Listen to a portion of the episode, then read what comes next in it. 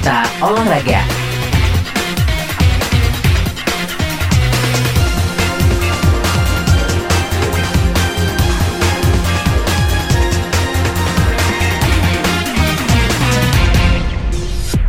Selamat siang sahabat sonora saja nih putra untuk berita olahraga. PS Sleman sukses meraih kemenangan saat menghadapi Arema FC pada pekan ketiga Liga 1 2021-2022. Bertanding di Stadion Pakansari pada 19 September malam waktu Indonesia Barat, PS Sleman menang tipis 2-1 atas Arema. Arema sejatinya mampu unggul lebih dulu melalui gol sang kapten Johan Alfarizi pada menit ke-35.